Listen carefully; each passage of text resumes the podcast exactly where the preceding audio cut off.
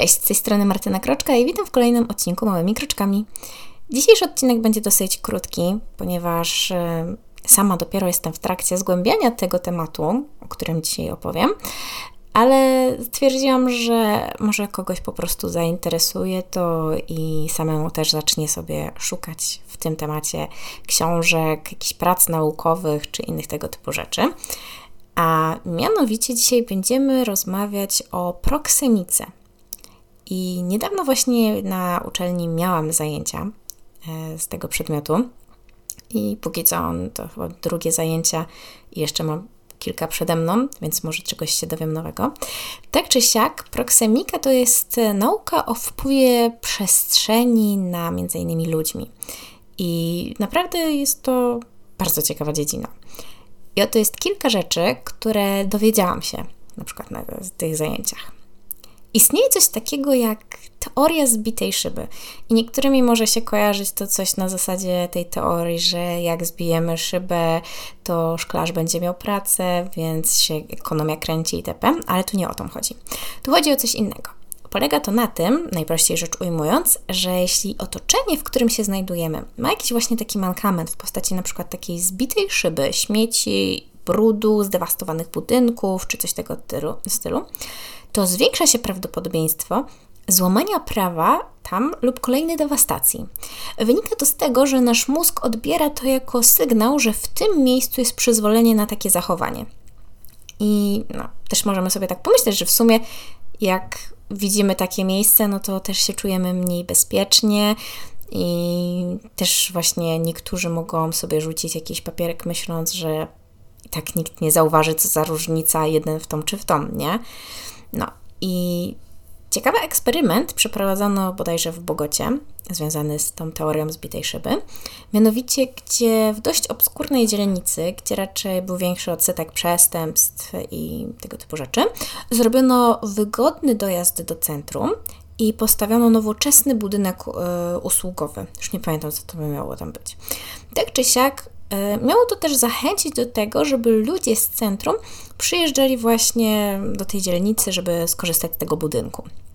I o dziwo, ponoć fakt, że napływało coraz więcej osób z zewnątrz i ludzie zaczęli się mieszać, przywozić swoje przyzwyczajenia i tego typu rzeczy, przyczyniło się do tego, że mieszkańcy sami z siebie zaczęli bardziej dbać o tą wspólną przestrzeń, no, żeby właśnie nazwijmy to tak, trochę przywitać gości, tak, nie pokazywać, że jest tak tu źle.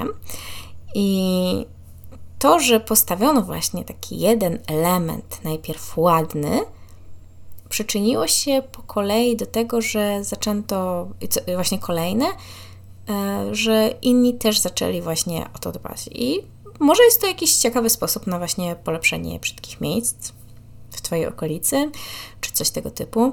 Podobno chyba eksperyment przeprowadzono także chyba bodajże w latach 80. czy 90.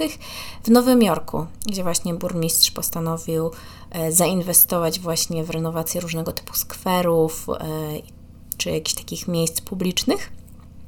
I to właśnie ponoć zwiększyło też taką atrakcyjność e, tych miejsc.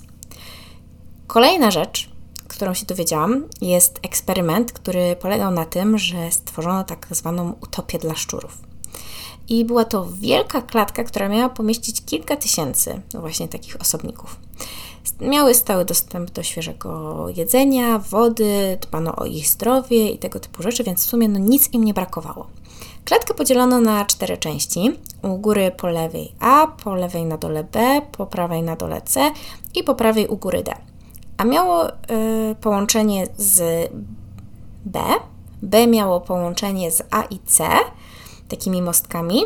C miało połączenie z B i D, natomiast A i D nie miały ze sobą połączenia, więc były to tak zwane skrajne te takie części. I eksperyment trwał bodajże 4 lata i zaczęto od czterech par szczurów, więc każde sobie zajęło swoje terytorium, które szybko zaczęły się rozmnażać, no bo miały do tego idealne warunki. No i wszystko wyglądało początkowo super, jednakże w momencie, gdy szczurów zaczynało być już za dużo, by mogły spełniać jakieś funkcje w strukturze społecznej, e, zaczęło dochodzić do tak zwanych patologii. I na przykład około 900 dnia e, zanotowano ostatnie żywe urodzenie szczura. Dochodziło do coraz większej agresji, poronień, braku zainteresowania potomstwem, braku dbania o wspólne przestrzeń, no bo na przykład szczury, z tego co wiadomo, no to one starają się na przykład dbać o swoje gniazda, nie załatwiać się tam tylko poza nimi, a w tym momencie już i dla nich to nie miało takiego znaczenia.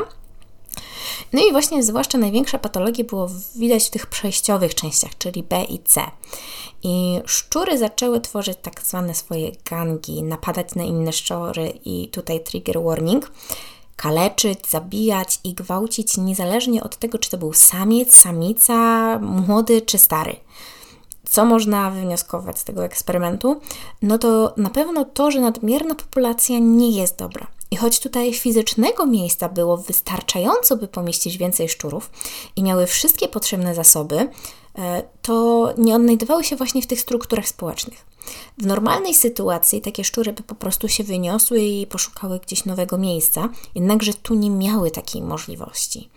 Tak więc bardzo ciekawy eksperyment. Ja tutaj już więcej szczegółów też nie będę zdradzać, polecam sobie poczytać o tym. Wstawiam, że jak wpiszecie właśnie taka szczurza utopia czy coś, to coś się tam znajdzie w takiego w internecie. To chyba miało miejsce na pewno w ubiegłym wieku, nie chcę teraz skłamać, czy w latach 60., czy 80., coś w tym przedziale.